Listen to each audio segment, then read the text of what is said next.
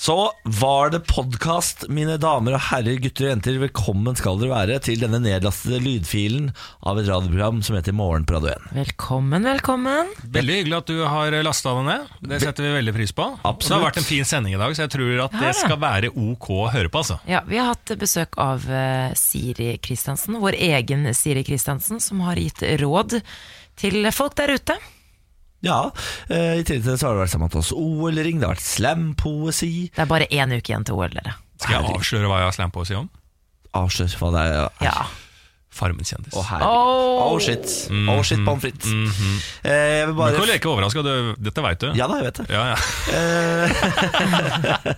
For Men lytteren vet ikke! Nei, lytteren vet ikke, ikke sant? Så jeg er, jeg er for overrasket er på så lytterens vegne. profesjonell! Ja, takk for det. Før vi starter dagens podkast, vil jeg lese én melding jeg har fått på min personlige Instagram av Jørgen Krogh, en uh, skiskytter eller skigåer. Han skriver Utrolig trist uten podkast på dagens podkast. Det er bare å kjøre på med denne igjen. Fast lytter, skriver han. Ok. Podkast! Herregud, Lars. Ja, du skal få roe Christian Krogh, er ikke han på landslaget i langrenn eller noe sånt? Jeg tar fader, jeg. Jørgen Krogh. Jørgen Krogh. Ja, og det vet jeg hvem er, tror jeg. Ja, jo, Jørg, Jørgen, sett navnet og bildet. Krogsæter, ja. Jørgen Krogsæter, han er skiskytter. Ja vel, Veldig kjekk. Jørgen. Hei til deg, Jørgen. Han er på landslaget i skiskyting i- og i langrenn. Ja, ja, ja, ja, ja. Han fortjener Han så- ser sånn ut. Podkast. Jørgen, vi hører hva du Kjekk sier. fyr, da. Ligner litt på ung Ola Bjør- Veldig kjekk, Erna veldig kjekk. Jeg håper han er homofil for de homofiles del. Jeg håper du, Hvis du er det, Jørgen, velkommen inn i våre rekker. Hvis ikke så tar jeg deg inn i den homofile verden, enten du vil eller ikke. Så nå er det gøy. Det fins håp i de yngre rekker, det er veldig fint. I den yngre Nevnte jo Bjørndalen. Å ja. Han her er ung. Ja, ja, ja, Ja. Det er håp i deg, Jørgen. Du er vårt håp. Vårt lys. Du tenker Nå- bare utseende, du, og sånne type ting. tenker bare ligging. Nå, nå, nå må vi sette i gang denne podkasten. Morgen på Radio 1. Jeg hadde litt overskudd i går. For første gang kanskje i 2018. Energimessig overskudd. Ja, etter vi var ferdig her. Jeg var- skulle i møte, så jeg var veldig glad for det.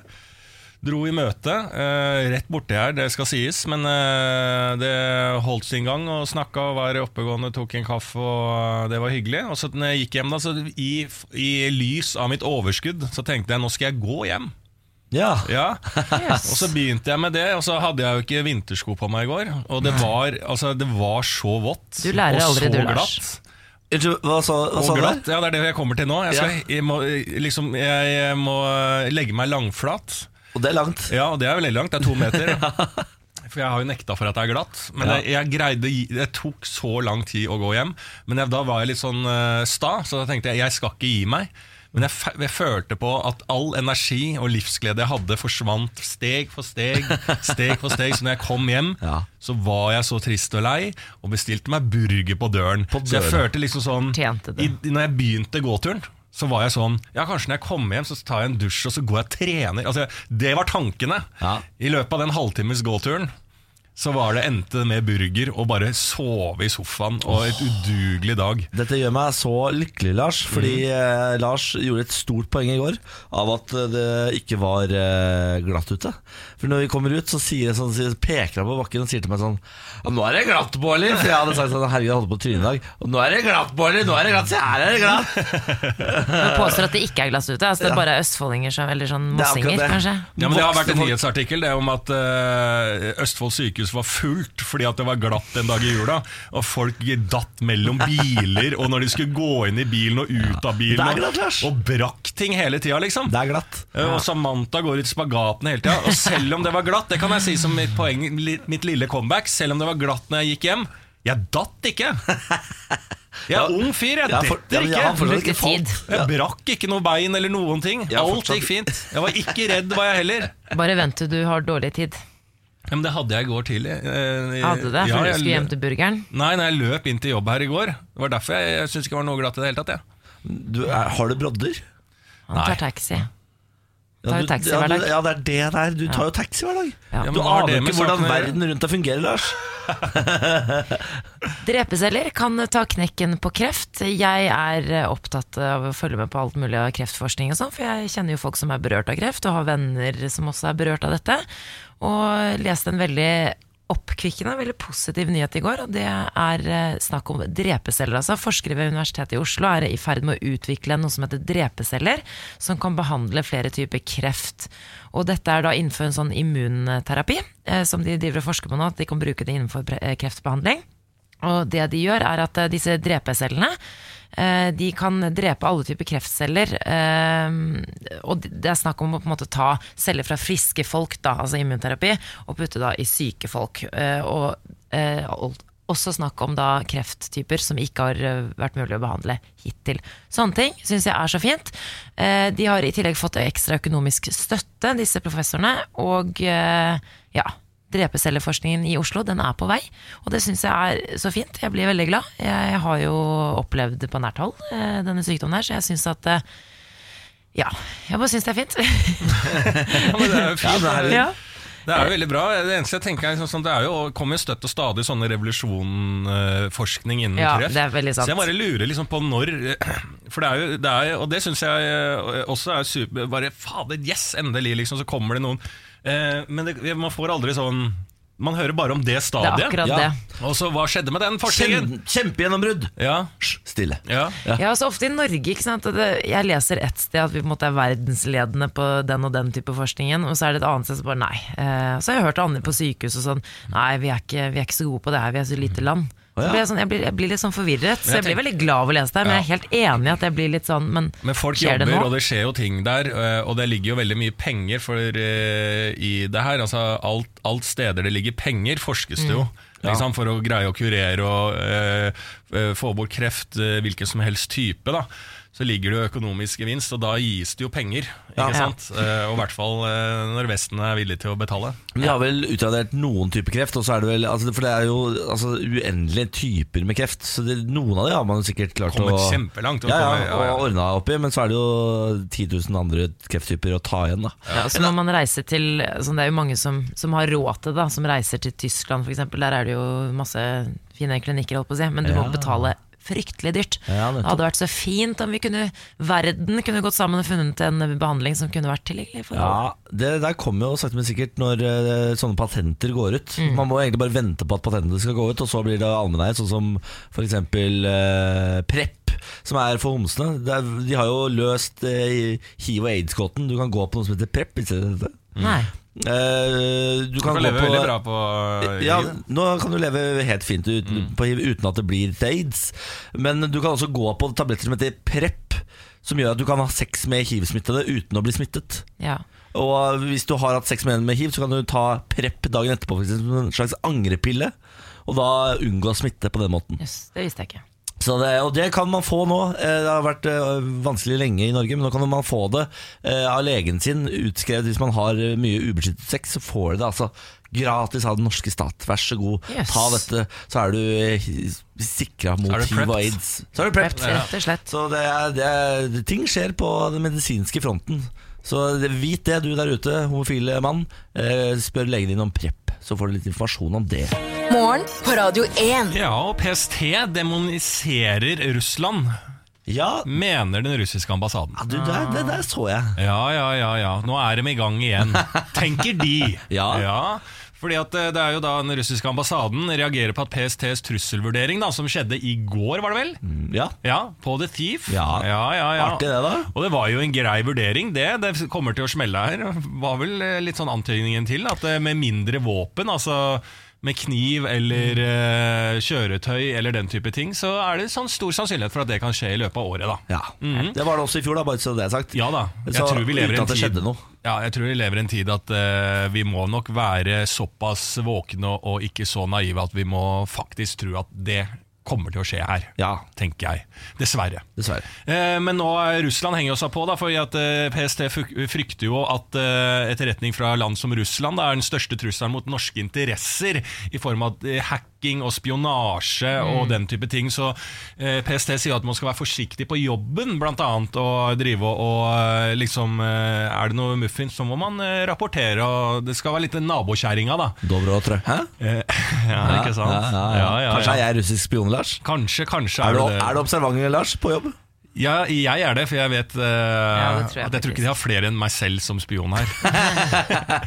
Men uh, så eh, Russland, og det er jo dette eh, Russlandfobiet som russerne ofte syns er ødeleggende. Fordi Russland, russiske ambassaden sier vi bør heller samarbeide mye mer, Norge og Russland. Ja. Og på en side så er jeg jo enig, altså, det er jo noe i meg som har lyst til at vi skal slutte med samarbeid med USA. Og fokusere på et nydelig samarbeid med Russland. Hvorfor det? Ja. Hva Nei, fordi at vi er er så tette Vi er- ligger så nære til hverandre, og så samarbeider vi med nordområdene. Kjører vårt opplegg her oppe. Eh, jeg sier det er noe i meg. sier ikke alt, men noe i meg. Så synes jeg bare sånn Da hadde kanskje ting vært litt enklere, da. Ja. Eh, men jeg er fornøyd med USA som alliert også. Det er ikke det. Men la til den på tampen. Ja, for jeg tenker sånn, eh, kanskje vi kan eh, Kanskje det kan smittes litt fra vårt eh, samfunn til eh, Russland. Altså, det er jo Ja, det er jo ikke Du har ikke så mye valg der borte. Du må stemme på Putin. Ja. Eh, Må ikke glemme at det var russerne redda jo så det sang oppe i nord under andre verdenskrig. Og de sto inne med mange tusen soldater, men eh, blei de og flytta noen grenser og sånn? Nei da, de dro tilbake. Ja da, så de, vi, altså, vi har ikke noe å utsette russerne for, vi, sånn eh, Nei, i det så store og det hele. at de er ganske Altså Det går feil vei der, det er det som er problemet med Russland. Hadde de liksom Ja. gått, eh, gått fremover og fått bedre rettigheter for eh, minoriteter og tatt vare på folk og bygd opp landet sitt, istedenfor å bygge ned og lage skremsel og banke homser og slenge dem i fengsel og sånn, så hadde jeg vært helt for det, Lars. Men jeg orker ikke å samarbeide med Putin og det drittlandet hans når de behandler minoriteter Men Da de gjør. hadde vi sånn hatt et bra samarbeid med Russland, så kunne de flytta liksom eh, homsene over til oss. De får jo faen ikke Eh, og så kaster vi høyreekstreme over dit, og så er det faen nydelig samarbeid, og alle blir ivaretatt. Norge tar jo fader ikke vare på homsen som kommer fra land og søker asyl. De sender jo det tilbake. Folk fra Tsjetsjenia som ble torturert og sånn, fikk jo fader ikke asyl i Norge og ble sendt tilbake. Norge er også et Ja, rassland. det er fordi vi ikke har noe samarbeid. Det er det jeg mener. Her er det masse muligheter. Ja, for det er, da, det er da man får asyl, når man har samarbeid med land. Ja. Storbritannias eh, prins William og hertuginne Kate kommer til Oslo i dag, dere. Og for dere der ute som har lyst til å ja, få et lite glimt av dette paret her, ja da kan du dra til Slottsparken. De skal til Hartvig Nissen videregående skole i Oslo, der hvor Skam ble spilt inn. Er det derfor de skal dit? Nei, men det er en del av reisen deres. Ja. Jeg skal fortelle hvorfor de skal dit. Jo, eller det er til Hartvig Nissen, Ja. du? Ja. Ja, de skal hilse på Skam-skuespillerne og skaperne. Er det sant? Det er helt sant. Så skal de opp til Holmenkollen en tur, de skal til Tryvann osv. osv. Men det er ikke bare vafler og hygge denne turen handler om. En kalkulert reise leser vi i VG, og som det står på hertugparets hjemmeside, er dette visittet etter ønske fra Utenriksdepartementet i Storbritannia. Og det er jo ikke bare god stemning i Storbritannia om dagen. Brexit osv. osv. Hvilken retning eh, skal vi gå, er det mange i England som spør om. Og eh, visstnok er hertuginnen og eh, hertugen på plass for å se og bli sett og sende noen tydelige signaler om at eh, Storbritannia, ja vi går ut av den europeiske unionen, men vi er en del av Europa. Så dette er på en måte en sånn, ja Skal liksom gå rundt og smiske litt og vise at Storbritannia her er godt likt. Jeg syns det er eh, koselig, og på et eller annet plan så blir jeg litt uh, gira av at vi har rojalt besøk fra England. Jeg, jeg vet ikke hvorfor. Jeg, jeg syns det er stas med stor, stort eh, besøk. Samtidig som jeg ikke bryr meg noe om mitt eget kongehus. Men Det tror jeg er litt sånn, sånn et, eh, en- del av ditt homofile gen. At du vet ikke hvorfor du blir gira av rojalt besøk, men du bare «Ah, Det er så klisjé! Jeg syns det er så boring. Det interesserer meg null og nada eh, at de kommer. Ja, Så kommer de, og så skal de lines opp og besøke Jeg syns det er stas, ja. Jeg synes det er skikkelig Hvorfor det? stas. Altså, Ja, jeg vet er da faen, Lars. Ja, det er det jeg mener! Jeg tror det er fordi jeg har sett The Crown ny- nylig. Ja, nettopp. Ah, så kjedelig. altså Bare vanlige folk som er født inn i noe uh, gammel tullball. Jeg skjønner hva du mener. Du greier ikke å styre deg! Vi tar oss en tur på Hartvig Nissen etterpå, Når du skal, etter du har vært på sånn straight camp vet du, i USA, som vi har planer om å sende deg på, Niklas, da, av eget vilje, da. Når du kommer tilbake derfra, da ikke bare er du heterofil, men det er også sånn Nei, fy faen. Øh, monarki? Ja, monarki. Ah, hva faen skal vi med dette monarkiet? Ja. Få en seidel og la En murer. Få på murer. Eh, vi, vi kan holde oss litt i England, egentlig, for BBC har gjort eh, forsøk. Og nå sier de at du kan glemme anbefalingen om 10 000 skritt daglig. Dette har vært en eh, mørk sky over mitt hode i alle år, hvor jeg vet at jeg bør gå 10 000 skritt daglig. Eh, dette evinnelige maset om at du må huske å gå alle disse skrittene, sånn at du eh, når dette målet for å holde deg frisk og sunn og holde kroppen i sånn cirka form. 10 000 skritt. Nå kan du glemme det, Lars. Vet du hva du heller skal gjøre nå? Du skal gå ti, tre raske turer på ti minutter daglig. Å ja. Ja. Og det oppfyller jeg hver eneste dag! Gjør du det? Jeg har jo hund, ja. ikke sant? Ja. Så det der greiene her, null problem. Og så Nada problem Å ha det bra skritteller. eh, Livet Ja, til ja, ja, skrittelleren ja, er jo ja, ja. over nå. Jeg har brent den allerede, i peisen i går. Det er sånn. Kasta den i peisen, sa sayonara, skritellera. Og så begynte jeg å gikk jeg ut med bikkja i ti minutter. Ikke mer, ikke elleve. Ti minutter, bank, blank. Nei, det holder, det. Du kan spise kebab i dag, du. Se på meg, da. Se på meg. Er ikke det fint? Jo, kjempefint. Skal stille, ja, det er det jeg har. Vet du. Skal stille i fitness. Jeg, nå. Ja. Bikini-fitness? ja, det er det jeg skal. Jeg er klar for å møte hertugen og hertuginnen. Oh, oh, oh, hello, Prince. William and Kate. William and Kate, hello. Er det prins eller hertug? Han er begge deler, men han heter jo Han er jo prins. Jeg foretrekker prins eh, Harry, jeg, da. Ja. Harry. Er det han som kledde seg som nazi? Nei. Ja, han- Eller er det det? Jeg, jeg tar tilbake spørsmålet. Jeg driter i det. Kjør. La oss bli ferdig med det greiene her. Morgen på Radio 1. Og nå inn fra siden kommer hun rolig Siri Kristiansen! God morgen, Siri. God morgen. Hvordan står det til? Du, eh, det står bra til, altså. Jeg tok meg en runde på mitt lokale spa i går kveld. Nei da, du Son spa. Ja, det er jo mitt lokale treningssenter. Da. Så lite er Son. Eh, Og jeg har barnevakt, for jeg er gressenke i fem uker. Mannen min er på kurs. Så hadde jeg fått meg barnevakt for å dra på sånn hard treningstime. Og idet jeg kom inn på treningsstudio, så merka jeg sånn Det blir boblebad i dag, ass. Så jeg la meg tre er kvarter i boblebad isteden. så deilig, da. Ja, uten boblene på, da. Jeg hater bobler i boblebad. Herregud. Det er, Siri Kristiansen, du er vår faste torsdagsgjest. En del av gjengen, på en måte, da, for å komme hit og løse våre lytteres problemer der ute. Eh, Fordi du har et program på, dette, på denne radiokanalen hver eneste søndag, Ja. hvor du gjør akkurat det samme. Ja. Så vi låner egentlig bare litt av kunnskapen din også på torsdager. Jeg liker å si hver eneste søndag som om det har gått i årevis. Det har faktisk premiere da eh, på søndag denne uken. Ja, ikke sant? Du er i premiereuka. Ja, Så fra neste torsdag så kan vi si at det går hver eneste søndag. Hver eneste søndag. Da skal jeg si Du har holdt på en stund med dette her. Ja, Siri. det- Skal jeg det spørsmålet mitt. Men før vi hjelper vanlige folk, altså det er vanlige folk dette om, så har jeg jo lyst til å prøve å hjelpe folk som ikke har bedt om hjelp heller. For eh, alle mennesker trenger jo litt ja. rådgivning i hverdagen.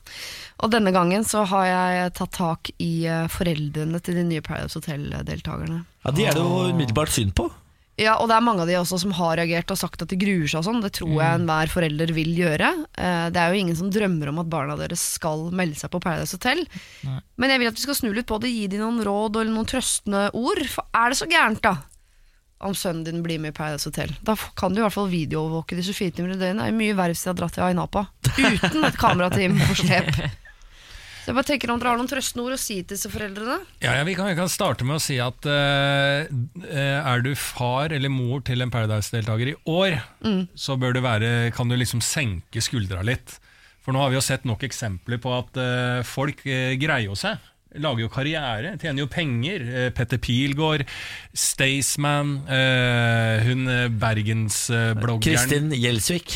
Den hadde jeg ikke trodd eh, kom fra deg, Niklas. Men eh, vi har alle kunnskapen som trengs her. Men du har sett at disse skaper jo karriere og blir eh, bra folk etterpå. Så det er vel egentlig bare å roe ned litt, da. Ja, Og bare vente. Det, det gjør vondt nå, men det kommer til å bli bra på sikt. Ja, du er litt redd nå for at uh, din sønn eller datter skal være den som driter seg ut der nede. Ja. Men hvis du har liksom tro nok på at eh, sønn eller datter greier å bli morokoppen eller den uh, fine som tar ansvar og alt sånt, må jo ha troa helt til det motsatte er beskist. Jeg tenker sånn, Du sa det, nevnte det med overvåking. Uh, at man kan overvåke barnet sitt eh, 24 timer 7. Eh, Jeg tenker, jeg har et tips. Ikke se på i det hele tatt. Fordi Hvem er det som har lyst til å overvåke ungen sin på Ayanapatur når det er dritings med toppen av og bena litt her og der? Ja, jeg lurer på om jeg ikke hadde klart å la være. ja. Det er jo noe vi foreldre Ja. drømmer om, er å kunne overvåke barna våre 24 timer i døgnet. Jeg, jeg tror ja, Kanskje eh, når du hører at det begynner sånn eh, stønning i dusjen. Det er mulig jeg hadde skrudd av volumet, i hvert fall. Ja. Men eh, Du hadde sett på likevel. Kanskje sønnen min, men ikke dattera. det er noe der det hadde jeg hatt problemer med. Jeg men foreldre mener- jo ta, beklager, Ja, Niklas. det er- ja. Bør foreldrene tar litt ansvar, tenker jeg da. Ja. Det er jo på en måte et produkt av dem. Ja, det er det. Eh, Så de valgene de tar nå i ung voksen alder, Mm. er jo noe de har eh, blitt lært eh, opp på en eller annen måte. Kanskje ikke direkte, men det er jo ditt produkt som tar valget. Nå er du ikke så litt trøstende, Lars. Nei, skal men- du prøve å få disse foreldrene til å føle seg bedre. Nei, men Jeg mener vi har feil fokus, Fordi her mener jeg du som forelder må ta skylda. Her har du trådt feil i opplæringen av barnet ditt. Du har rett og slett ikke lest manualen godt nok. Her har du, du har tråkka feil, og dermed så fikk du et barn som ble Paradise Hotel-deltaker. Nå Nå, må du ta. Den skylden du fortjener. Nei, nå gjør Se det på dette i skammen. Nei. Var det liksom motsvar når jeg fikk kritikk for at det ikke var trøstende nok? Så tok du ansvar for Så å sa jeg, jeg, sa, jeg, for jeg er uenig med Siri. Jeg, de har feil fokus, Lars. Ja, men Lars hadde et poeng med at det, det blir folk ut av de også. Altså, vi har jo sett flere eksempler, som du nevnte, Lars Kristin, Petter Piga. De, de har, det ser jo ut som lykkelige folk. Ja, da, Nå kommer, skal- kan jeg komme med et trøstende ord her. De som Ja. ser på Paradise Hotel, er i samme målgruppa. Uh, og jeg var selv i Ayanapa når jeg var 17. Eh, men det var en veldig stygg tur, eh, på alle måter. Eh, glad det ikke ble filma. Så alle som ser på, har på en måte hatt slike turer og lever det livet mm. sjæl. Ja. Så de som ser på, blir ikke så sjokkerte av oppførselen. De syns det mer er kult. Og de som på en måte hadde blitt sjokkert av det, og sånn, de vet hva Paradise er nå, så de ser ikke på. Så skaden er mindre nå i sesong eh, 70, eller hva det er Paradise er i gang med nå. Det er helt riktig. Det er trøstende, da. Ja, og pluss at Man må tenke at de inne på Paradise Hotel gjør ingenting som ikke alle de andre som ikke er på Paradise Hotel også gjør. Det er bare at De blir ikke filma, så det er jo ikke noe sånn at de gjør helt forferdelig Det er ikke sånn at barnet ditt, hvis det hadde vært hjemme, så hadde sittet eh, foran eh, Kanskje foran TV-en eller sittet gjort lekser eller bare gjort fine ting. Hadde gjort akkurat det samme. Ja, De fleste som filma. sitter i studio her, har kanskje vært i Syden og ligget. Ja, jeg, jeg har vel aldri ligget i ja, Syden med det, faktisk. Uh, med noen andre kjærester. Men uh, nå, nå skal jeg komme med noen trøstende ord, faktisk, til Ja, deg, kjære. Paradise Hotel-foreldre. Eh, det du skal få lov til å oppleve nå, det er masse sympati fra de rundt deg. Eh, min mor opplevde en gang å sitte på toget, og så kommer det en ukjent voksen dame bort til henne og sier sånn Er det du som er moren til Niklas i P3? Jeg vil bare si jeg føler utrolig med. Er, jeg er så lei meg på dine vegne. Ja, kanskje de kan Ikke sant? Så den erfaringen kommer de til å få. De kommer til å få- få så mye sympati fra de der ute. Det er nesten som at sant, du har mistet et barn som forelder. ja. På det nivået ligger sympatien. Bruk det inn i butikker og mot venner i forhold til uh, Kanskje du plutselig får masse mat på døra, hvetebakst, billigere mobilabonnement. At man kan bruke det litt. Vet du ikke hvem jeg er? Jeg, jeg, altså, jeg er moren til Har du ikke sett puppene til datteren din? De pierste puppene til datteren. Jeg tror det faktisk er kanskje det beste rådet du kan få, eh, foreldre der ute. Ta Ta Bruk det. Vi skal hjelpe noen der ute også, ikke bare de som ikke vet at de vil ha hjelp. Eh, Vi har fått et problem, Siri. Har du, har Vi du skal kontroll ta på det? et eh, kollektivproblem eh, snart, men hvis du som nå sitter og hører på og tenker at nei, ta mitt problem, så tar vi jo masse problemer på så søndag. Så send det inn til siri at radio1.no. Morgen på Radio 1. Lars Berrum er i form! Ja! Samantha Skogran er i form! Ja. Siri Kristiansen, vår eh, rådgiver, er i form! Ja. Ja, Ja. Kom igjen, Det er torsdag morgen. Eh, Du er jo i din premiereuke her i Radio 1. På Mm. søndag skjer det. Da starter Siri og de gode hjelperne. Det er jeg, Olli Wermskog, skal ta imot altså denne uken Henriette Stensrup og Stian Staysman.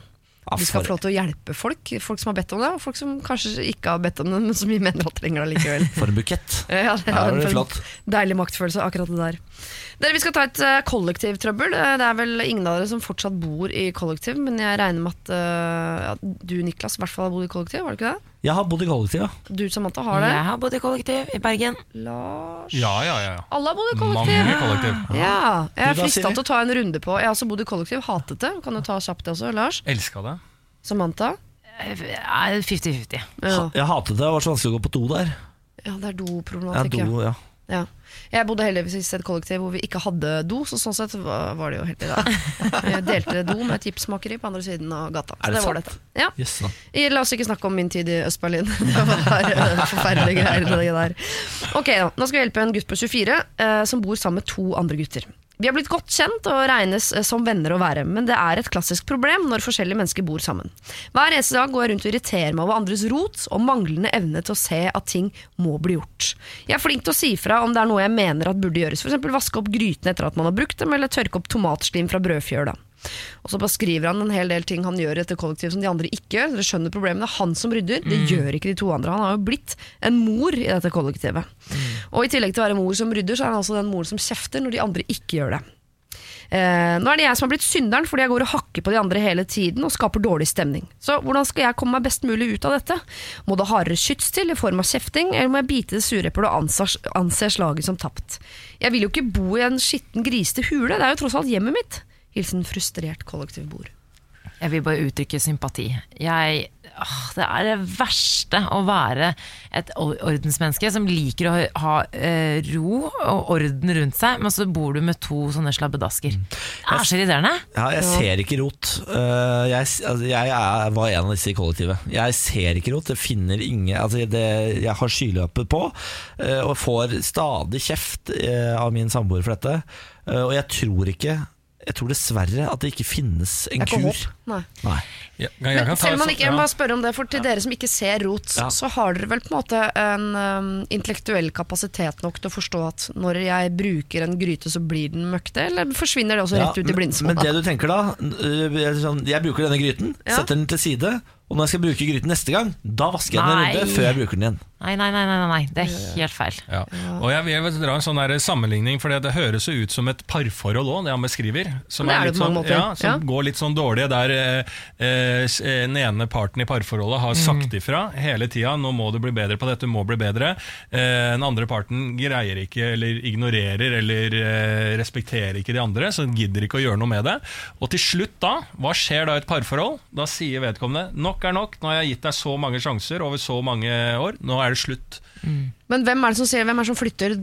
Roterne eller rydderen? Nei, rydderne Rydderen. slutter, Ja. selvfølgelig. Og da, jeg, så jeg mener at tipset mitt er ganske sånn eh, rett frem, beinhardt. Eh, Flytt. Flytt. Det er, det er ikke noe Ja, håp. jeg tror også det, for han, Gutt eh, 24 spør jo om han enten skal gå hardere til skyts eller å bare anse slaget som tapt. Jeg tror Hvis han vil beholde vennskapet, hvis han er, liker disse to eh, vennene sine veldig godt, så er det bedre å bare gå videre. Og ikke Jo. ødelegge vennskapet. Jeg skjønner at du tenker det, men øh, jeg tenker også at det er rom her for å kjefte mer. For jeg tror disse to gutta som roter, de kommer rett fra et hjem der mor har kjefta, kjefta, kjefta. Så for dem så er det ikke irriterende at det er en som kjefter, det er bare betryggende. De føler seg mer hjemme. De er vant til at det er en som står og sier at de må vaske opp, at de må rydde og støvsuge og alle de tingene der. Ja. Jeg tror de vil uh, føle seg helt hjelpeløse uten. De Ja, er, altså, glemmer alliansen, ikke sant? for de er to mot én. Så Ja. på hvert tidspunkt, uansett hvor mye han kjefter, og de bare til slutt Ok, vi skal gjøre det, og så har de en periode de rydder, da. Men hver gang de rydder, så ser de på hverandre og bare sånn Å, han er så gæren, eh, han er så opptatt av skal være, alt skal være ryddig hele tida. Så han vil alltid være en sånn der, på et vennskapsmessig plan underdanig. Så, han får ikke, så til slutt så får han ikke være seg sjæl, for han føler ikke at han er helt innafor, og så ryker vennskapet litt mer og mer. Nei, Det må jeg spørre deg om, da, Niklas. Fordi eh, vi som er ryddige, vi irriterer oss jo over dere som er rotete. Men dere som er rotete, irriterer dere vel ikke over oss som rydder? Nei, altså Noe av det beste jeg vet, er å komme hjem til eh, nyrydda leilighet. Det, og da blir jeg oppriktig sånn glad i kjæresten min, eh, på ekte varm i hjertet. Han eh, må jo se, anse meg som sau, og han som gjeter. ikke sant? Han Ja. gjeter meg rundt i leiligheten med pekefinger og høy stemme. Ja. Eh, og da skjer det jo at jeg rydder. Eh, fordi det, når jeg får beskjed om at her nå må det ryddes, så setter jeg i gang og gjør det. Så jeg har ikke noe problem med å bli kjefta på. Det er bare en igangsetter. ikke sant? Han Ja. skrur på motoren og sier sånn Nå må det fungere. Og da gjør jeg det. Så her om dagen tok jeg, jeg- tok jeg til og med og støvsugde leiligheten helt uoppfordret, fordi han dagen før hadde gitt ymtet frempå om at her måtte noe gjøres. Han var ute hele dagen. Jeg støvsugde. Uten oppfordring. Eneste vi må tenke på her er at det er slitsomt å være den som går med pekefinger og må gjete hele tiden. For vi har også lyst til bare å være sau innimellom, som Ja. bare kan ligge og spise gress. Og, det er genetiske forskjeller. Ja. Men dere må la oss få lov til å være sauer noen ganger. Så hvis uh, du som har sendt inn problemet, hvis det er det du vil, at du også bare har lyst til å uh, ligge og slappe av med hånda ned i trusa mens spagettigrytene bare vokser på siden av deg, så må du gjøre det. Ja. måte. Det kommer ikke de andre til å legge til rette for, men eh, at, at du kjefter på dem, tror jeg de bare liker. Ja, jeg, er, litt, jeg er litt uenig der. Jeg er litt imot eh, kjeft, fordi jeg har en kjæreste som responderer Altså han blir redd. Hvis noen hever stemmen sin, så blir han litt redd. Og jeg, jeg kan ikke si noe Jeg kan ikke kjefte. Jeg må si ting på en hyggelig, vennlig, rolig måte, for da lytter han. Det er ikke alle som responderer på kjeft. Så du må være pedagogisk. Ja, Herregud, så og det er enda mer slitsomt Ja, enn det er kjefting. Ja. det driver ikke jeg med. Vi må konkludere, Siri. Du, Ja. Det er din jobb. Hvis du orker å kjefte, altså hvis ikke det plager deg, du bare er redd for at det plager dem, så tror jeg du skal øh, gønne på med kjefting. For jeg, jeg tror ikke det plager dem. Så hvis det er greit for deg, så gjør du det. Hvis du allerede nå er sliten av kjefting, du er sliten av å rydde opp etter andre, ja, da er jeg tilbake på Lars, altså. Da må du flytte. Ja, det får bli rådet. Lykke til. Eh, hvis du har eh, du- problemer som du trenger hjelp med, så må du sende mail til eh, Siri, krøllalfa, radio1.no. Og så må du høre på Siri og de gode hjelperne på søndager her på Radio 1. Eh, farvel da, Siri. Farvel. Gå med Gud. Morgen på Radio 1. Ja, og For meg så er det influensa. Jeg prøver å jobbe hardt, hardt, hardt for å unngå. Av å bli en influensa. Eh, ja, Takk for ja, det- Takk for meg. Vær så god. eh, Vær så god du kan.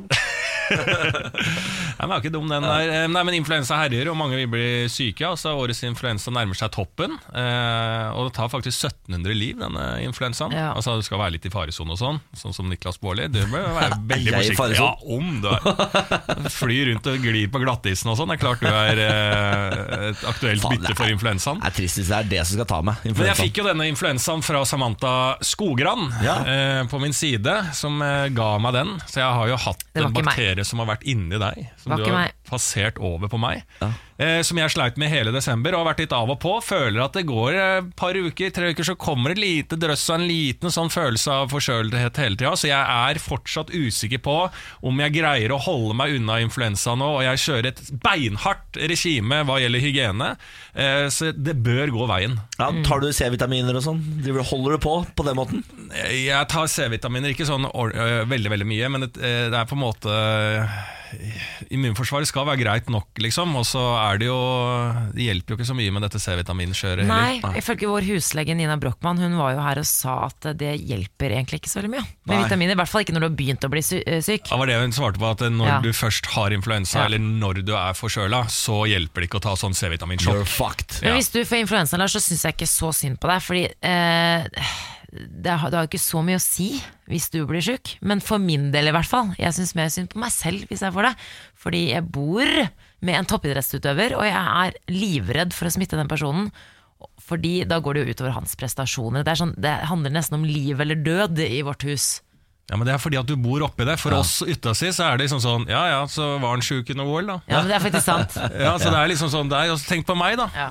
Kjæresten min Ja. skal på jobb, viktige møter. Hun Altså, lever oppi det. Det er jo liv og død. Ja. Det er betalt eller ikke, det. Det er smør på Ja, brødskiva det er jo det for han også. Nei, men han er jo sikra med penger. Det vet dere ikke. Nei, det vet dere ikke. Og hvis han, ikke kan, hvis han blir syk etter OL, så får han betalt. Min Nei. kjæreste, rett ut av jobb! Det er et knallhardt miljø! Det er sånn, I luftmiljø? Ja, i duftmiljø. Ja. Er du syk en dag da, så er det sånn Å ja, ja, men da valgte du å slutte, da. Beinhardt. Så jeg, jeg, jeg, må jo, jeg kan ikke bare flytte ut av hjemmet og bli værende i Oslo hvis jeg blir syk. Jeg må til en annen by. Å. Men jeg er enig, men jeg liker at du er forsiktig med hygienebakterier. Det syns jeg vi alle skal bli her i redaksjonen. Ja. Jeg tar antibac i- hver dag når jeg går forbi eh, Veldig bra. Veldig bra. Det blir ingen Grid Girls i Formel 1 lenger. Grid Girls det er altså disse unge kvinnene som holder opp plakater med navnet til eh, førerne. Ja. Kan sammenlignes med f.eks. sånne podiumdamer eller ringjenter i boksing. Det har jo vært en eh, langvarig tradisjon, men nå i 2018-sesongen, nå er det slutt. Nei, ja, nei. Og Grid Girls det har jo vært da kjennemerket ved Formel 1 Grand Prix. Det er grunnen til at vi ser på dette her. At vi gidder å følge med runde etter runde, runde så vet jeg var sånn, så kjedelig. Så bare Nei, vent, da! De kommer jo på pallen! Og der står det halvnakne damer.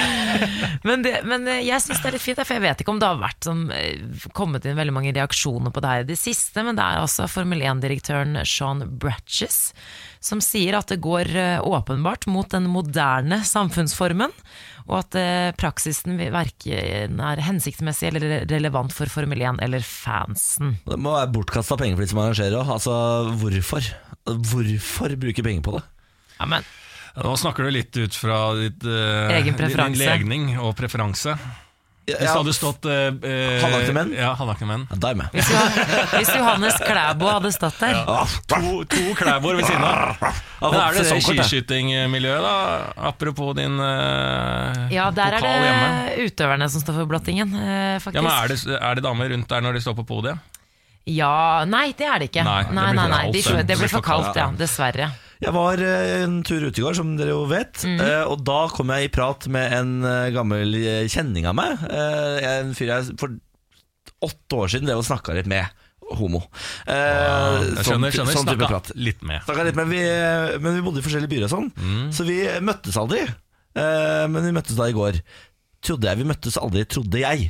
Eh, det viser seg at vi har vært på date, og jeg har altså ikke det fjerneste minnet av at vi har vært på date. Er det sant? Og han sa det var verdens verste date.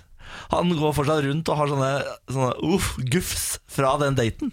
Oi. For jeg Og du husker det ikke? har altså ikke et lite minne av det. Jeg trodde men vi aldri hadde må- møttes. Det er jo Siv Jensen-taktikk, dette her.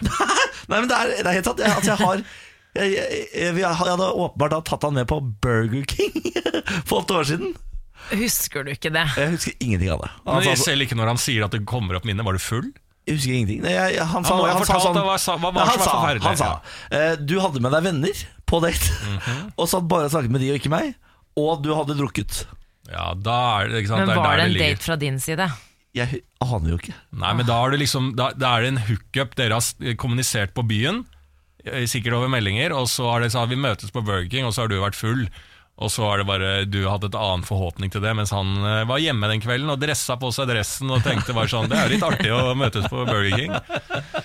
Han, Ja, så han han har grøss av det. Men hvordan var det nå? Angrer du på at du ble sammen med Benjamin? Når du møtte Veldig hyggelig. han? Han er uh, en kjent journalist. Oi, Ja. Kan jeg begynne å bruke hodet? Hvem kan det være? Kan det være ikke Fredrik Solvang, dessverre. Kjent journalist, homofil eh, Ja, journalist Jeg går langt da med Morten Hegseth, da. Jeg var ikke Morten Hegseth. Han er eh, harm, ja. Jeg er ikke Harm heller, gitt. Nei, da har jeg ikke flere. Det er de to kjente journalistene. Ja, da. fin kjørt, da. Nei, det var blodstinn. Alle mot Tore fra Farmen og standup. Journalisten Anne Tore. Ja. Nei, jeg har ingen. Nei, det var, men det har jeg aldri opplevd før. Å få beskjed om at jeg har møtt et menneske, vært på date og ikke ha liksom, det, det fjerneste minnet. Det er veldig rart. Men var det kjemi nå? Ja, det er veldig hyggelig. Han er veldig hyggelig. Smart er nå, som jo er tiltrekkende. Jeg har kjæreste. Måtte jeg si til han og meg selv. Det gjør jeg. På hver øl som gikk. Du har kjæreste. Du har kjæreste. Morgen på Radio 1. Nå, mine venner, er det dags for en ny utgave av Lars Bærums morgenkviss. Reglene er enkle. Tre spørsmål gis til Niklas Baarli og Samantha Skogran, som er et quizlag. Og dere må jo svare i enighet. Og helt på slutten så gir jeg dere alle svarene. Hva er dagens quizlagnavn? Du, I dag har vi fått navn fra Anders, som har vært på Radio 1 på Facebook, og skriver at vi bør hete Øl og Quiza. Øl og quiza. Ikke sant? Jeg, Ja. jeg, skjønner, Pizza. jeg skjønner den ikke. Eller pizza. Ok, jeg er med, jeg er med. Jeg er med. Den er litt vanskelig, den der. Ja, Samantha. det, er, det er mange lag der, så det, Den er vanskelig. Eh, så det var feil på spørsmål nummer én, da, i ditt tilfelle, Samantha. Nei, bare vent. Men dere har jo vært flinke i det siste. ja, tre av tre. Eh, ja, dere har hatt tre av tre, altså to av tre i går. Ja. Eh, så dere har absolutt flinke, så nå har jeg uh, uppa gamet litt. Grann. Her Mhm. eh, blir det nok eh, null av null. Eller null av tre, da, som det heter. ja, ja. Ja. Men vi går rett på spørsmål én. Hva er en fenofil person begeistra for? Hva er en fenofil person begeistra for? Dette hørte jeg her i forrige uke. Å ja Ah, vel. flaks har vi, flaks har vi, flaks. Ja, men jeg har jo verdens hukommelse. Ja, men Hjelp meg med å Det resonnere, hørte vi da. forrige uke, meg, jeg også. Jeg tror vi snakket om det her på jobb, gjorde vi ikke det? da? Å ja vel. Fenofil? Og sånn, ja, nei, vi, hadde, vi fikk jo et spørsmål i en quiz en gang, og det var et eller annet sånn begeistring for et eller annet, men det, vi svarte jo feil. Ja. Det var forrige uke i hvert fall. Nei, ok, Ja. er det, en sånn, er det Du åpner ikke slusene hans nå? Nei, ja, altså, det kan jo godt være. Jeg vet ikke jeg. Altså, jeg skal ikke sitte her og gi noe hint, jeg. Dere er jo så flinke. Hva tenner en fenofil på? Er det det som er greia? Hva er en fenofil person begeistret for? Ja, ikke Kan vi få et lite hint, i hvert fall? Du sier jo selv Dere, at det er jo starte, vanskelig. dere må starte et lite resonnement først, for dere har ikke prøvd i det hele tatt. fenofil, Ja, det høres Begynn jo å tenke, da. Ja, Hva fader får man ut av det, da? Fenofil? Fen, fen, Fen, fon. fen, redd, fon, fenofil. Jeg vet ikke hva er fen. Altså, jeg- Ja, ja, nei, jeg, jeg, Det er derfor jeg jeg spør om et hint. Ja, jeg er helt blank. Ja, ja, men dere har, dere har jo bare, de sier, dere, Det eneste dere har prøvd å resonnere, er sånn begge sitter sånn ah, Fenn, fenn, fenn, hva er det? Fen, hva er det? Det holder ikke det holder ikke for hint, det der. Dere må gi et svar. Kom igjen. Ja, nei, da eh, Fugler.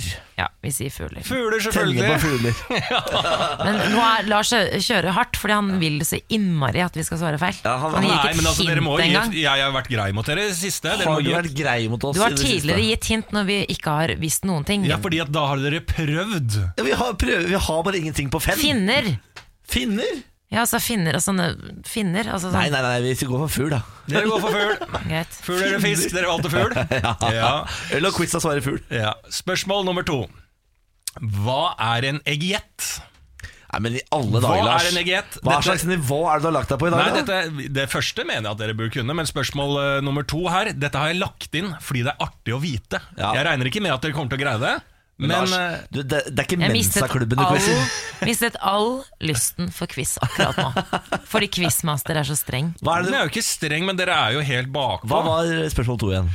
Hva er en egiett? Man er helt bakpå fordi vi ikke vet hva egiett og fenofil er. Ja, men Dere prøver jo ikke, du sitter jo bare og surmuler. sammen. Egiett. ok, og du er sikker på at du staver det Nå er det et lite barn som surmuler på sida her. Er du sikker på at du uh, uttaler det riktig? Jeg liker at dere har blitt så strenge. Eggjet. Eggjet. Må ha det hyggelig. Folk hører på skal våkne til dette. her Kan ikke drive og krangle okay, på radioen. Eggjet. Egget. Ja, jeg, altså, jeg er helt Det er et egg. Vi svarer egg. Vi svarer Altså, egg. Ikke krangle, jeg bare prøver å hjelpe dere. Altså, dere sitter jo bare og jeg, jeg, jeg spør om hva betydningen er Jeg vet ikke hva egget er, Ja, Lars. Dere gjør det samme som dere gjør med fenofil! Dere, jeg sier hva, hva er Men fenofil, Lars- så er det bare sånn fenofil, fenofil, fenofil. Det Det er, er- som et ekko. Det er som jeg kaster ut spørsmålet ut i Dovregrubben. Det er vanskelig å resonnere når du ikke har liksom noe utgangspunkt annet enn et ord du aldri har hørt før.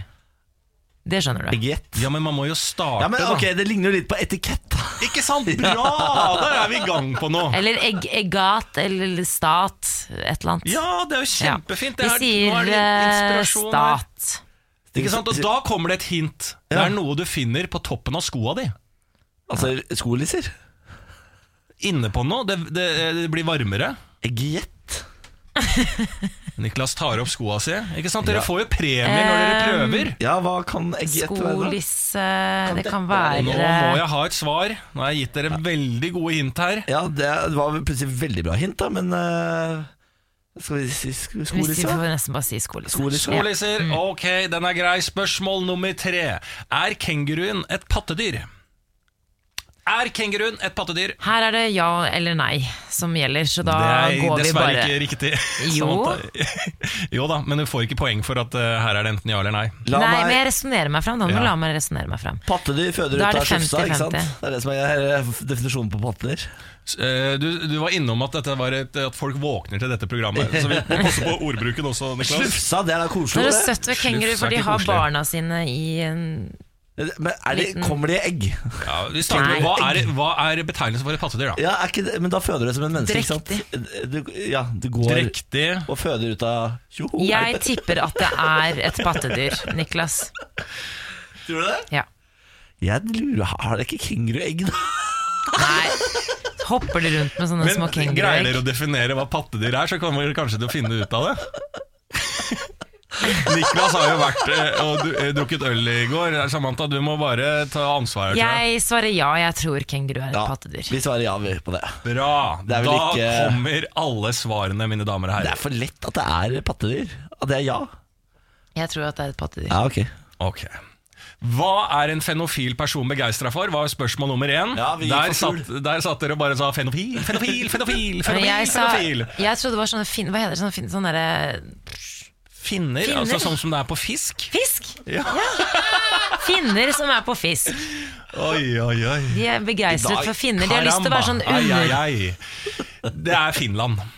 Ok, får vi ett poeng for det? Finner? Du får Finner? Finner? Altså, Nummer én, Samantha, du greide ikke å komme på hva en finne var engang. Herregud, Eh, vi får ingen- et magisk superpoeng fordi jeg sa finner. Null Det er poeng. next level, det greiene her, da. Å Null si poeng. finner. Ja, jeg Null poeng. jeg. Jeg poeng. Nummer to var hva er en eggjet? Fy fader. Der eh, hadde dere igjen eh, taktikken med å si Egiet, egiet, egiet, egiet Ja. Rar taktikk. Jeg prøvde å si at dere får ikke belønning før dere begynner å prøve å resonnere. Og det gjorde dere i dette spørsmålet. Ja. Derfor ga jeg det et hint om at det er på toppen av skoen. Ja. Dere svarte skolisse. Men det er det som er det gøy med dette her, for her kan vi lære. egiet det visste ikke jeg heller hva var. Nei. Men det er den metall-plasthylsen altså plasthylsen ytterst på skolissen.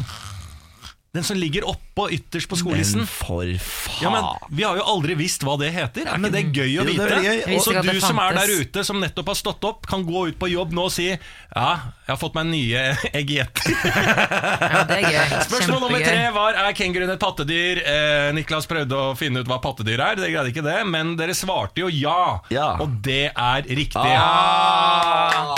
Og så kan jeg si på tampen pattedyr. Patte, patte, ikke sant? En er, Patter. eh, Patter, melk, ikke sant? Melk, ikke sant? Han klyper seg i brystvorten. Vi fikk ett og et halvt poeng. Dere Ett og fikk poeng. Veldig bra. poeng. Finner, det var ganske bra Ett gjettet. poeng. Veldig bra, Samantha. Akkurat der var du god, altså. Morgen på Radio 1. Og nå litt flynytt. Ja. Jeg har jo en pågående flyskrekk, eh, som ikke er medfødt, men som har utvikla seg eh, over at eh, både kjæreste og venner har flyskrekk, som det har smitta over på meg. Eh, det har vært eh, to nyheter den siste tiden, og det ene var at det var en do som gikk eh, dårlig på et fly, så vi måtte nødlande. Eh, og det var også en eh, pilot eh, som eh, fikk et slags illebefinnende, ble akutt syk, som måtte lande. Og ikke minst en tredje nyhet, faktisk, der et russisk fly eh, passerer et amerikansk fly i lufta med 1,5 meter i eh, avstand. Da er vi på jagerfly.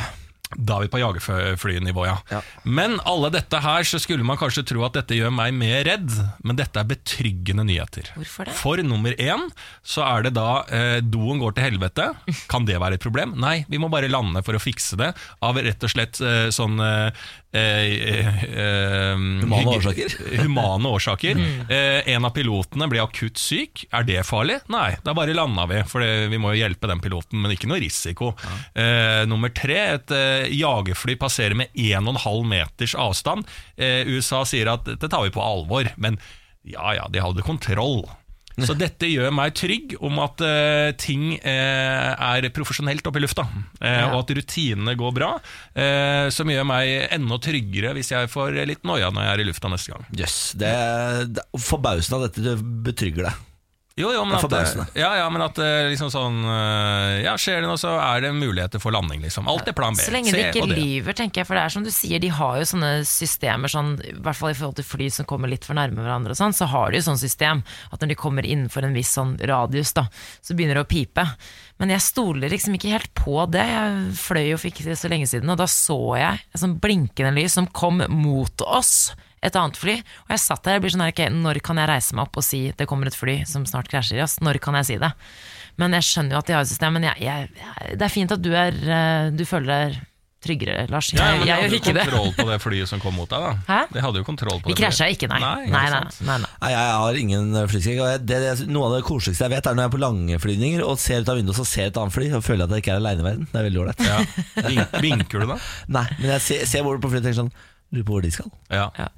Sikkert motsatt Da, retning. da jobber du opp i huset. Massiv PR-kampanje om mobilstråling blir fjerna. Jeg så en reklame da jeg var på togstasjonen tidligere denne uken, faktisk. Da var det bilde av en gutt på skateboard.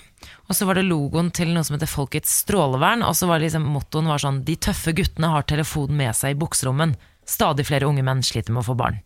Altså, de driver og reklamerer for at det er farlig å ha mobilen i lomma, og da spesielt for eh, menn, da, i og med at det gjør, eh, forverrer sædkvaliteten. Men nå eh, skal altså 355 lystavler med denne reklamen fjernes, fordi eh, Folkehelseinstituttet, de sier, eller myndighetene sier at dette er feil. Fordi mobilstråling, eh, og i forhold til i hvert fall sånn dårlig sædkvalitet, det har ikke støtte i seriøs forskning. Det er feil, rett og slett. Så det har vært propaganda. Så det er altså ikke farlig å ha mobilen ved ballene. Nei, altså, Hva er da ikke grunnen så til at flere og flere får dårlig Du, sædkvalitet? det har jeg sett nå. Er, kan jeg, det er noe plast som vi driver og, og får i oss av partikler av plast fra plastkopper, eh, plastemballasjer, eller er et eller annet sånn som er faktisk forska på, som gjør at eh, eh, vi sliter litt eh, med sædkvaliteten, og at eh, eh, færre og færre av spermiene eh, blir levedyktige. Eh, Så det er en del sånne mm, ytre, eh, ytre stimuli i form av mat og inntak som gjør det. Mm. Men jeg mener at dette er en konspirasjon. Altså Her er vi vitne til et eh, Det runde bord-møte med alle nasjoner som har blitt enige om at det er for mange mennesker på jorda. Eh, vi kjører én verdenskrig til, eh, men vi må også gjøre noe mer, for det går ikke nok eh, liv med. Så vi må også minske reproduksjonen. Så eh, vi må ta bort alle forskning som viser at eh, spermkvaliteten blir dårlig, Ja. dårligere ved å ha mobilen i lomma. Vi må faktisk oppfordre unge menn til å ha den der, sånn at vi minsker barna på jorda. Konspirasjonsteori. Ja, Ja, kan, Det du sa var konspirasjonsteori. Det jeg sa er eh, det Faktum. riktige- Det er faktum. jeg kan informere om at jeg har vært eh, sæddonor. Ja vel? Så du har et Jeg- barn der ute? da? Nei, jeg har vært CD-donor. Jeg har eh, donert eh, sikkert ti ganger. Jøss. Eh, men ikke til eh, reproduksjon, men til forskning. For å, eh, være- jeg var med i et forskningsprosjekt. Eh, en av dem fordi jeg fikk sabla godt betalt for det. Hva er det lov å si hvor mye? Ja, jeg, f- jeg tror jeg fikk eh, 1500 kroner per levering. Jeg. Per spermi? Ja, og, og du fikk lov til å liksom, ordne deg hjemme, og så dra opp på fertilitetsklinikken og levere prøven. Eh, Der, Så du slapp å gjøre eh, jobben på sykehuset. på sykehuset. Helt topp. Så jeg og kjæresten min på det tidspunktet leverte hver, hver vår prøve. og 3000 kroner. Bang! Rett inn på konto. Smack. Det var kontant i hånda. Hvor lenge kunne du gjøre det? Må du skatte av det, eller? Jeg skal ikke ha det. Nei. Jeg burde sikkert gjort det. Men må, kunne du liksom eh, Hvis du droppa radio og ting og tang, kunne dere fortsatt bare ligget og holdt på med Og det? sperma. Ja, sperma og samla det og levert? Kunne du levd av det? Det er det spørsmålet her. Nei, jeg tror det, Hvor mye det, forskes? det, var ikke, det, var ikke, det var ikke hyppig nok eh, levering, altså. Nei. Det var, eh, jeg tror det var to ganger i måneden over en Ja. liten periode. Og det var for å få uh, forska frem hvordan man kan få sperma til å overleve lengst mulig utenfor kroppen. Det var testa sånn væske som skulle få sperma til å tro at den fortsatt var innabords. Så er det jo noen som sier at det å leve i underholdningsbransjen og være på radio er en usikker bransje. ikke sant? Ja. Men det er kanskje enda mer usikkert eh, å gå all in på å leve av spermidonor. Droppa droppa ut av videregående for å være spermdonor. Alle korta. Jeg har kjøpt lån på ti millioner, hus. Eh, nå skal det gå rundt.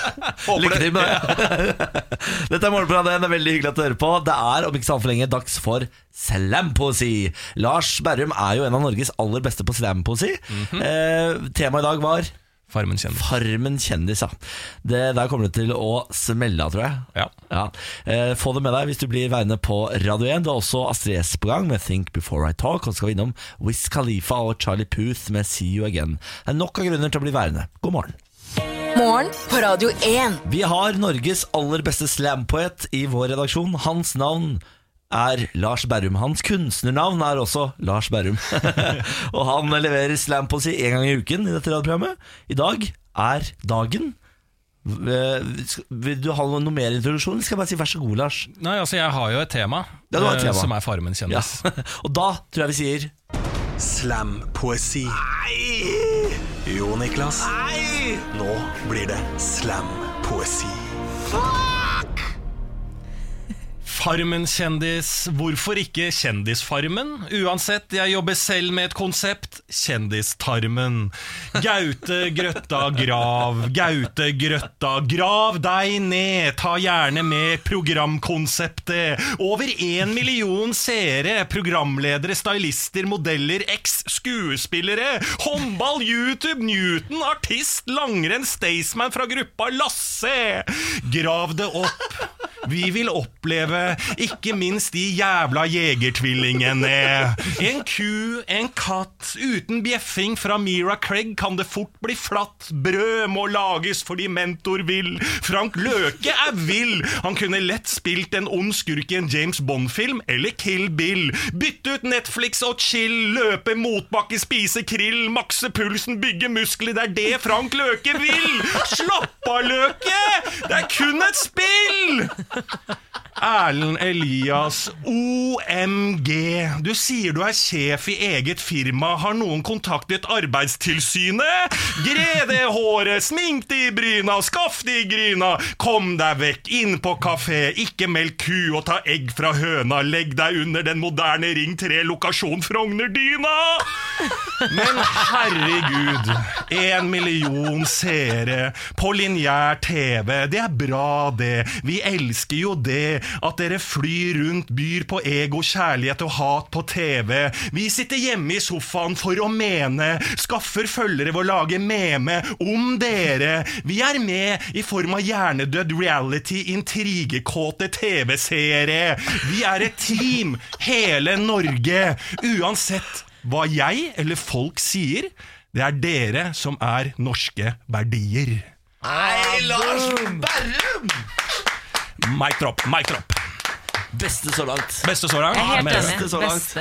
Ja, ja. Shit, det var, eh, det var bein fram imponerende, Lars. Vet du hva? Ja, er du overvunnet? Endelig ser du kunsten i slampoesi. Jeg tror det. Jeg tror Niklas liker det. Jeg tror jeg, tror jeg er i ferd med å bli Jeg tror jeg er i ferd med å bli en slampoet-fan. Oh. Shit. Lars Berrum, ass.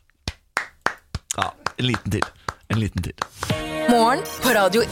Samantas OL-ring. Samantas OL-ring, da. Ja. Nå er det bare en liten uke igjen til OL er i gang. De beste utøverne verden rundt gjør seg i dag klare til å reise til Pyeongchang i Sør-Korea. Det gjør også utøverne i Nord-Korea, som etter fredssamtale med Sør har bestemt seg for å sende utøvere til OL. Ikke nok med det, men Nord- og Sør-Korea skal samles under felles flagg under OL. Dette gjøres i håp om å skape fred mellom landene som har vært i krig lenge. Tanken høres jo god ut, gjør den ikke det? Jo, absolutt. Ja. Men eh, idyllen den slår sprekker allerede. F.eks. det sørkoreanske kvinnelaget i ishockey. De reagerer visstnok for at de plutselig har fått nordkoreanske lagvenninner. Forrige uke ble da de busset fra nord til sør for å bli innlemmet i treningsleiren til de sørkoreanske spillerne, og nå har de trent sammen en liten stund, i en ukes tid. Det viser seg at det felles ishockeylaget har språkproblemer, for selv om spillerne stort sett forstår hverandre, så er det flere hockeybegreper som er forskjellige i de to landene. Mens sørkoreanerne da bruker begreper fra engelsk eh, ishockey, så har spillerne fra det langt mer isolerte nord andre begreper. Engelsk ishockey? Eh, nei, altså amerikanske ja, begreper ja. på banen, da. Eh, det er også mange sørkoreanske skøyteløpere som er misfornøyde, for de frykter at et felles lag vil frata dem muligheten til å ta medaljer. Det er ikke bare idrettsutøverne som reagerer på et felles lag i Korea. Folk i Sør-Korea, og da spesielt Seoul, reagerer på det såkalte OL-diplomatiet. Demonstranter i Seoul protesterte i forrige uke mot at Nord-Korea skal få delta i OL under samme flagg som Sør-Korea. Nord-Korea har truet oss i mange år. Det blir helt feil å belønne dem på denne måten, sier en student i Seoul. Og nå, denne uken, så skulle Nord-Korea ha en eh, planlagt fellesoppvisning med Sør-Korea i forkant av vinter-OL. Eh, Nå har de avlyst denne, som følge av fornærmende omtale og demonstrasjoner mot det nordkoreanske folk i Sør-Korea.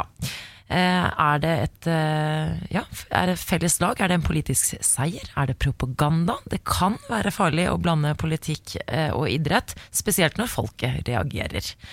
Jeg lurer på om vi noen gang eh, Nå er jo, har jo ikke vi vært i krig, eller vi har vært i krig med Sverige, men det er sånn, tror dere at vi kunne vært under eh, et felles flagg med måte. Sverige? Er du gal? Herregud. Jo, jo, er- nei, nei, nei, nei. Vi har nei knapt, Lars. knapt 100 år hatt vårt eget flagg. Ja, men vi skal da ikke eh, konkurrere under f svensk flagg, f.eks. Se, for deg- at se for deg da eh, Ole Einar Bjørndalen under svensk flagg. Petter Northug, hvis han hadde vært i form. Det er de to idrettene vi kommer litt dårlig ut av svensk flagg. Alt annet så kommer vi bra un- eh, ut av svensk flagg. Hockey, eksempel. Ja. Ja, men faen, faen, ingen som bryr seg om ishockey. Jo da, jeg mener at det er helt fint, ja, men det jeg er bekymra for nå, er jo at det er Nord-Koreas plan. da Mhm. og De har rykka inn for de har fått lov til å komme over grensa, men de har ikke sendt utøvere. De har sendt frontstyrken. Og nå begynner det å gå dårlig, og da har de allerede infiltrert. Så de, er, de har invadert, de. Nord-Korea. Har de det, ja? Ja, det er det skjedd. cheerleaders og idrettsutøvere, kanskje? Ja, Kvinnelige hockeyspillere. Det er ikke bare bare å møte dem. Nei. Du vet jo at Nord-Korea bruker kvinnelige snikmordere. Ja. Altså Han fyren eh, på flyplassene, han broren eh, Mm. til Kim Jong-un, han ble drept av to eh, kvinnelige spioner eller agenter. Altså. Men de trodde bare han var på gameshow, de visste jo Ja. ingenting. Uansett, det er bare en uke igjen, dere. Det er bare å glede seg. Det blir spesielt å se Nord- og Sør-Korea marsjere inn i åpningsseremonien om knappe syv dager, men vi skal følge med, og vi er spente. OL, OL, OL, OL! Kom igjen, da! OL! OL! Ja. Fy faen, nå er det stemning her. Hæ? Nå er det stemning her, altså. Morgen på Radio 1. Ja, vi tenner våre lykter når det Nei, nå, altså, Ta vi ga- heller pod, pod, pod, podkast i begynnelsen Ja, enn for den nå der. ga vi jo han eh, Christian Jørgen. Krogh. Jørgen Hvem er- hvem er Krogsæter. Christian Krogh? Hvorfor sier jeg Christian Krogh? Er det en i Hotell Cæsar? Maler. Ja, det er et kjent navn. Christian Christian Krogh. Er maler. Maler, ja! Ja, maler. Ja, Ja, ja. vel, ja. ja, det var podkasten for i dag. Jeg håper du har kosa deg masse. Eh, vi er tilbake i morgen. Ny podkast da. Last den gjerne ned. Ta noen visdomsord, Lars. Det er viktig å tenke på andre, men husk å ta selv. på oksygenmaska din først.